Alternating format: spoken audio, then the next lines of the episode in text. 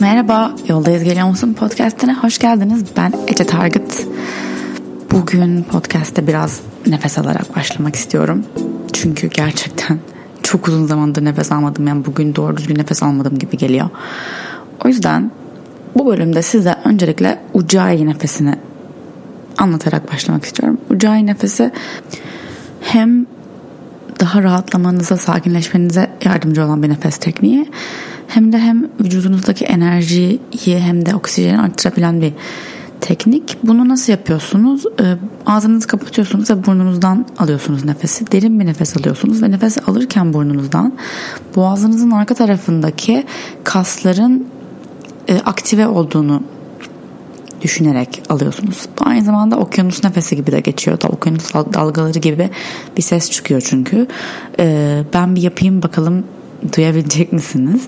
Ama bu şu an bunu yapmaya ihtiyaç duydum çünkü böyle vücuttaki o gerginliği falan çok iyi aldığını düşünüyorum. Ee, aynı zamanda vücut vücudu biraz ısındırıyor. Hani yogadan önce de e, yaptırırlar genelde. Ucay nefesiyle başlamak hani e, güzel olur yogadan önce çünkü vücuttaki e, vücudu böyle enerji akımını hızlandırıyor ve ısıtıyor. Ağzınızı kapatıyorsunuz ve burnunuzdan nefes alıyorsunuz. Böyle sanki böyle hani deniz hani şey yaparlar ya denizde deniz kenarında deniz kabuğunu kulağınıza dayarsınız hani okyanusun sesini duyabilirsiniz derler ya onun gibi bir ses. Sanki böyle ağzınızı açıp yaptığınızdaki sesin e, sesi yap, ağzınız açıkken yaparmış gibi verdiğiniz nefesi burnunuzdan vermeye çalışıyorsunuz. Yani yı ağzını açmadan yapmaya çalışıyorsunuz burnundan vererek ama boğazından geçen titreşim aynı. Ee, doğru yaparsanız dediğim gibi okyanus dalgaları gibi bir ses çıkıyor. Bunu günün herhangi bir anda kimseye çaktırmadan da ofiste, evde, yolda yapabilirsiniz. Özellikle böyle gergin hissediyorsanız, endişeli hissediyorsanız bence çok iyi geliyor. O yüzden Uca ile başlamak istedim çünkü ben gerçekten çok gerginim. ee, gerginim çünkü yetiştirmeye çalıştığım bir zaman var her şeyi. Elimden gelen en iyisini yapıyorum. Çevremdekiler de gergin. Herkes gergin. İyi bir şey yapmaya çalışıyoruz. Güzel bir şey yapmaya çalışıyoruz ama zaman kısıtlamamız da var. Şöyle durumlar şu anda nasıl? Benim hayatımda neler oluyor? Flow hala uğraşıyoruz. İnçiyle uğraşıyoruz. Bir, bir sürü detay var uğraşılması gereken. Bir soru cevap videosu çektim. Bundan önce bu podcast'tan önce yayınlanmış, yayınlanmış olacak. Orada birazcık daha böyle anlattım hayatımda neler oluyor vesaire. Orada e, birisi işte hani ortağım var mı falan bir sorular vardı. Onları o videoda cevaplamadım. Nedense başka konulara daldım ama e, ortağım yok. Tamamen kendi yatırımımla kendim yöneterek yaptığım bir iş bu. Fakat e, bana yardımcı olan bir yöneticim var. E, onun dışında işte ustalarımız var. Tasarımımızı yapan biri var. E, ve e, arkadaşım inanılmaz yardım ediyor. Bu şekilde bir şey yapmaya çalışıyoruz. Durumlar böyle olunca e, tabii ki hani kişi başına düşen yük miktarı bayağı fazla oluyor. Ama e, startuplar da bu şekilde oluyor. Yapacak bir şey yok. Şu anda bu podcast'a başlamadan önce de ben bir nefes aldım kendi kendime ve size şunu hatırlatmak istiyorum. Gün içinde hiçbir şey değiştirme ihtiyacı olmadan aldığınız bir nefes hayal edin. Aldığınız nefes bu ucayi nefesi olabilir. Yani bir şeyleri de, neden bir şeyleri değiştirmeye ihtiyacımız var? Neden bir şeyleri illa bizim istediğimiz gibi olmasını istiyoruz? Ee, şu anda birçok şey var böyle oldurmaya çalıştım ve yapmaya çalıştım. O yüzden bu bir şeyleri isteme ve değiştirme e, çok zihninde dönüyor. Fakat bazen durup şu an burada ne var? Tam bu anda ne var? Ben tam burada dururken nasıl hissediyorum? Tam burada durmak nasıl bir his? Bunu durup bazen düşünmek, düşünmek de değil, hissetmek, fark etmek gerekiyor. Ve şu an bu, bulunduğum bu alana hangi enerjiyi, hangi frekansı, hangi duyguyu davet edeceğim benim kontrolümde. Kontrolü bende. Bunun kontrolünü hiç kimseye veremem. Ver, vermeyeceğim. Bunu hatırlamak gerekiyor. Bunun farkında olmak gerekiyor. Kimseyi suçlayamazsınız. Senin yüzünden ben böyle hissediyorum diye bir şey yok.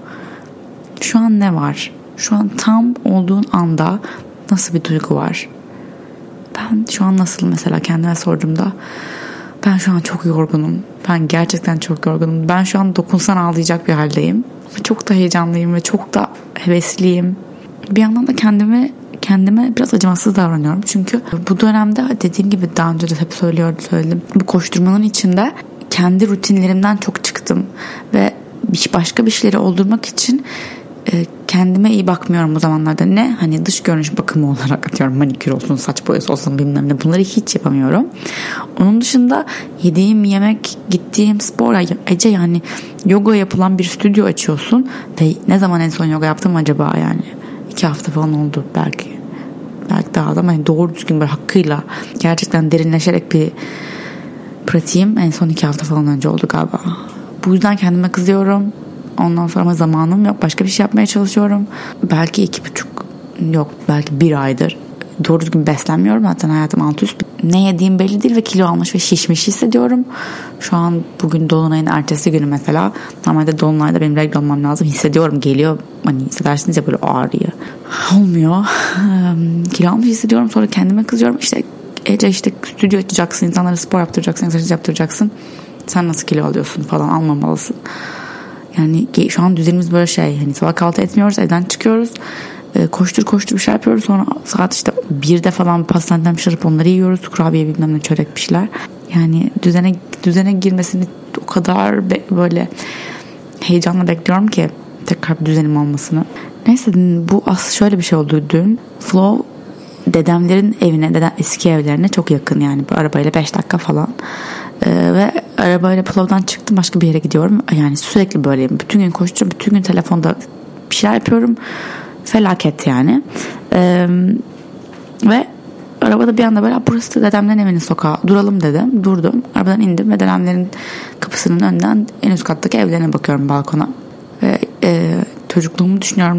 Dedemle yaptığımız resimleri düşünüyorum. Dedem ressam ve mimardı. Şu an ben mimar, şu an bunu söylerken şu an fark ediyorum. Ben bir şekilde mimar oldum. Mimar tutacaktım ama param yetmedi yani mimar tutmaya. Ve kendimiz yapıyorduk bir sürü şey ve şu an ben ve dedem, dedemin evine giderken yolda dedemin evine çekildim ve kapının önünde durdum. Dedim ki dede ben bir şey yapıyorum ama burada mısın yani? Hala burada mısın?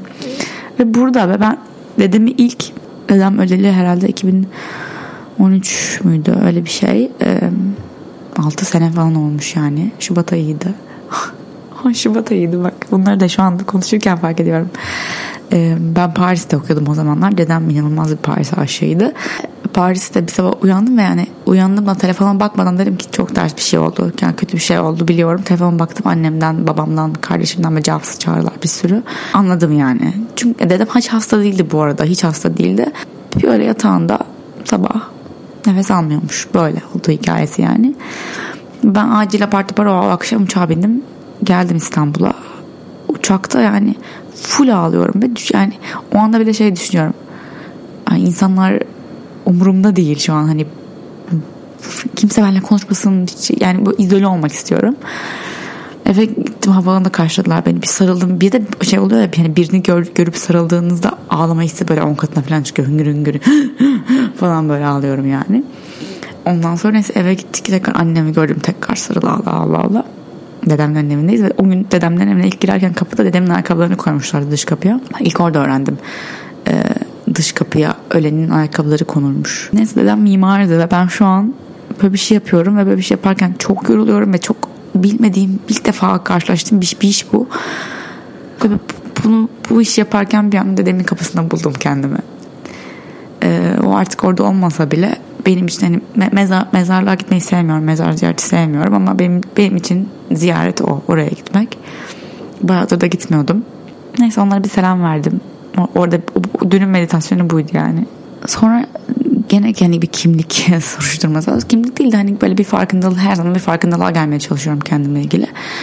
Hani kim olduğunuzu eğer bulmaya çalışıyorsanız bugün bir de bir soru cevap videosu çektim böyle sorular da vardı gelen. E, kim olduğunuzu bulmaya çalışıyorsanız önce kim olmadığınızı bulun. Hani derler ya hani üniversitede ya da o iş olarak ne yapmak istiyorsun önce ne istemediğini bul. Hani bir sürü işte ne ufak stajlar yap.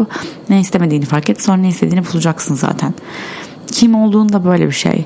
Önce kim olmadığını bul sonra kim olduğunu bulursun. Ve kim olduğun e, böyle hemen ağzından çıkan şeyler değil. Mesela birinin egosu çok yüksek insanlar mesela hani kimsin dediğin anda sana böyle kendini takır takır takır takır anlatabilir. İşte ben adım Ece işte YouTuber'ım şurada okudum annem bu şöyle İstanbul'da yaşıyorum böyle etiketlerim etiketlerim şu kadar takipçim var yani kendimi artık neyle tanımlıyorsam yaptığım şeyle mi tanımlıyorum üzerine işte etiketle mi okudum okulla mı her neyse her neyle tanımlıyorsam onları takır takır söyleyebilirim. Ama kendini bilmek aslında inanç ve fikirleri sahiplenmekten çok daha fazlası. Yani aslında benim inançlarım ve fikirlerim bile beni tanımlamıyor. Bırak yaptığım şeyleri o içimde düşündüğüm sandığım şeyler bile beni tanımlamıyor. Ben aslında kendimi derinden tanımak istiyorsam varoluşuma köklenmem lazım. Varoluşumu sahiplenmem lazım. Zihnimde kaybolmaktansa. Eckhart Tolle galiba diyordu biz rollerimiz değiliz. Sahiplendim. Bir rol oynuyoruz çünkü bu dünyada şu anda ama aslında rol dün de derininde bir, bir şeysin sen bir frekanssın. Ve aslında olduğun kişi e, atıyorum diyorsun ki ben çok kibar ve nazik biriyim. Ama bir olay oluyor, bir durum oluyor ve ona olan tepkilerin aslında seni gerçekliğinle yüzleştiriyor. Biri bir şey diyor ve sen bundan rahatsız oluyorsun. Yani biri bir şeye inanıyor ve sen bunu değiştirmeye çalışıyorsun. İşte ben aslında YouTuber olduktan sonra kendimi çok daha iyi tanıdım. Çünkü neden, nelerin beni rahatsız ettiğini görmeye başladım ve insanların da nelerden rahatsız olduğunu görmeye başladım. Şunu anladım ki biri bir şeyden rahatsız olmak istiyorsa rahatsız olacağı bir şey bulur. Ve bu benimle ilgili değildir. Aynı şekilde ben de bir şeyden rahatsız oluyorsam bu karşımdakiyle ilgili değil benimle ilgili bir şeydir ve bu bana kendi içime açılan bir kapıdır. Bunu, bunu bu şekilde analiz etmek lazım. Ee, aslında yani sizi rahatsız eden gıcık olduğunuz sinirinize dokunan her şey size bir şey göstermeye çalışıyor. Kendinizle ilgili geliştirebileceğiniz, iyileştirebileceğiniz. Nelere karşı toleransınız var, nelere karşı daha az toleransınız var mesela genel olarak hep hani insan bir insanı en iyi onun etrafında çalışan insanlar olan davranışından tanırsınız ya canım güvenlik işte garson gişedeki insan kasiyer yani bunlara karşı bir insanın nasıl davrandığı benim için inanılmaz önemlidir. Siz de kendinizde bunu bir fark edin istiyorum. Nasıl davranıyorsunuz bu insanlara? Çünkü örneğin AVM'nin güvenliğinden geçerken bir iyi günler kolay gelsin demek hiç zor değil. Bunu diyor musunuz yani? Etrafınızdaki insanlar hayalet gibi mi görüyorsunuz? Yokmuş gibi mi davranıyorsunuz? Çünkü eğer siz çevrenizde yokmuş gibi davranıyorsanız sizin de yokmuş gibi hissetmeniz çok olası. Değersiz hissetmeniz çok olası. Çevrenize çevrenize derken bakın güvenlikten falan bahsediyorum. Yani anneniz, babanız, sevgiliniz, kardeşiniz demiyorum. Böyle bir genel değer vermekten bahsediyorum. İnsana değer vermekten bahsediyorum. Mesela geçen gün Flow'u açıkladığım şey story koydum işte son postuna bakar mısınız çok heyecanlı bir şey söyledim diye ilk defa Flow'u açıkladığım bir story ee, ve biri bu story'e demiş ki işte elini ağzına koyarak konuşuyorsun işte böyle yapma çok kötü falan bir şeydi. Hatırlamıyorum bile yani. Ama mesaj bu. Neyse şunu düşündüm ve fark ettim. Ee, yani bu bu örneklerden bir tanesi. Başka şeylerde de oluyor böyle. Yani bir videoda mesela çok derin bir şeyden bahsediyorum ya bir, bir posta hani nasıl ağladığımı falan anlatıyorum. Ne bileyim ya da derin bir konudan bahsediyorum. Duygusal bir şey anlatıyorum ve altına böyle apalakasız bir şey söylüyor. İşte böyle şeyleri yaşaya yaşaya ben şu farkındalığa geldim. Bütün bu insanların bana dedik söyledikleri her şey gör, bende gördükleri her şey aslında benle ilgili değil. O her zaman görmek istediği şeyi görecek zaten. Rahatsız olmak istiyorsa, rahatsız olacak bir şey arıyorsa onu görecek. Bu yüzden ben, aynı şekilde kendi için de geçerli. Bir, birinin hakkında biri beni rahatsız ediyorsa ki bunu fark ettiğimden beri beni rahatsız eden şeyler azalmaya başladı. Rahatsız olmuyorum çünkü beni rahatsız edemez gibi görmeye başlıyorum. Veya rahatsız oluyorsam da onu değiştirmek için kendimde, onu karşındakini değil, kendimdeki rahatsızlık hissini değiştirmek için bir şey yapıyorum. Sırf hani söylenip şikayet etmek çünkü hiçbir şeye fayda değil. İşte bana şey soruyorsunuz ya nasıl başladı hani bu yolculuğun vesaire. Aslında hani yolculuğa ben üniversitede başladım diyorum ama aslında derinleşmesinin çok büyük bir etkisi çok etkilendim yorumlardan ve hani kendime çok acımasız davrandım ve bununla baş etmeye çalışırken kendimi bu yolda buldum. Böyle işte hani her şeyin bir bir yolu su yolunu bulur kafası. Ee, böyle yani son bende durumlar son zamanlarda. Hani sizin de kafanız karışıksa ne yapacağınızı bilmiyorsanız nereye gideceğinizi bilmiyorsanız aslında kafası kafa karışıklığı çok bir kayboluş çok normal e, bunun çözümü bence biraz yalnız kalmakta. Ama zihninle yalnız kalmak değil de ruhunla yalnız kalmakta. Çünkü yalnız kaldığında bazen zihin böyle acayip hızlı gidiyor ve oradan oraya oradan oraya bir sürü şey düşünürken buluyorsun kendini. Halbuki o düşünceleri bir bir kenara atıp hislerine ve içine odaklandığında, ruhuna odaklandığında, ruhunla yalnız kaldığında cevapları bulman çok daha kolay oluyor. İşte benim de dediğim gibi cevapları bulmam hani o bir haftalık resmen sessizlik kampında oldu yani. Sessiz kalmak zorunda olduğum kampta.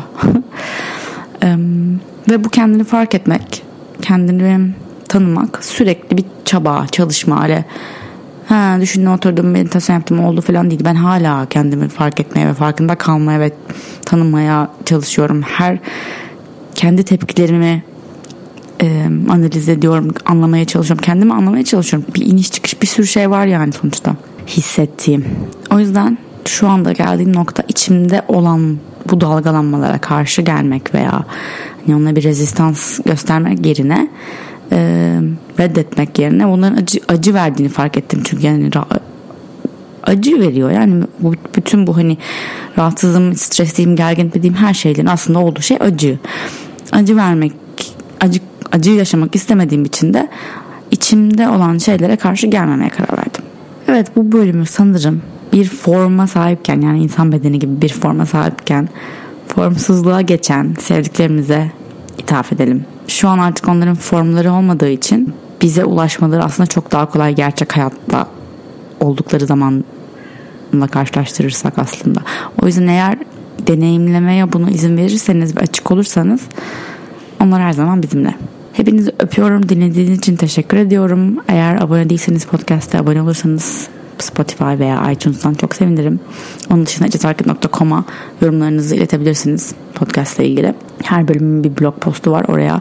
Fikirlerinizi, düşüncelerinizi, isteklerinizi yazabilirsiniz. Beni Ece Target olarak bulabilirsiniz tüm sosyal medya platformlarında. Flow Studio'yu da takip ederseniz çok sevinirim. At Flow Studio V ile Flow. Ha bu arada Flow niye V ile? E, çünkü W ile Flow çok hani bariz bir anlamı var. Hani akış okey. Ben bir tık daha abstract olmasını istedim kelimenin. Bir tık daha hani markalaştırılabilecek bir kelime olmasını istedim. Flow'un V yazılışının daha e, şık ve basit durduğunu düşündüm. Böyle oldu yani. Çok da derin başka bir anlamı yok flow'un aslında. Akıştan çıktık ve e, sadeliğe doğru gittik.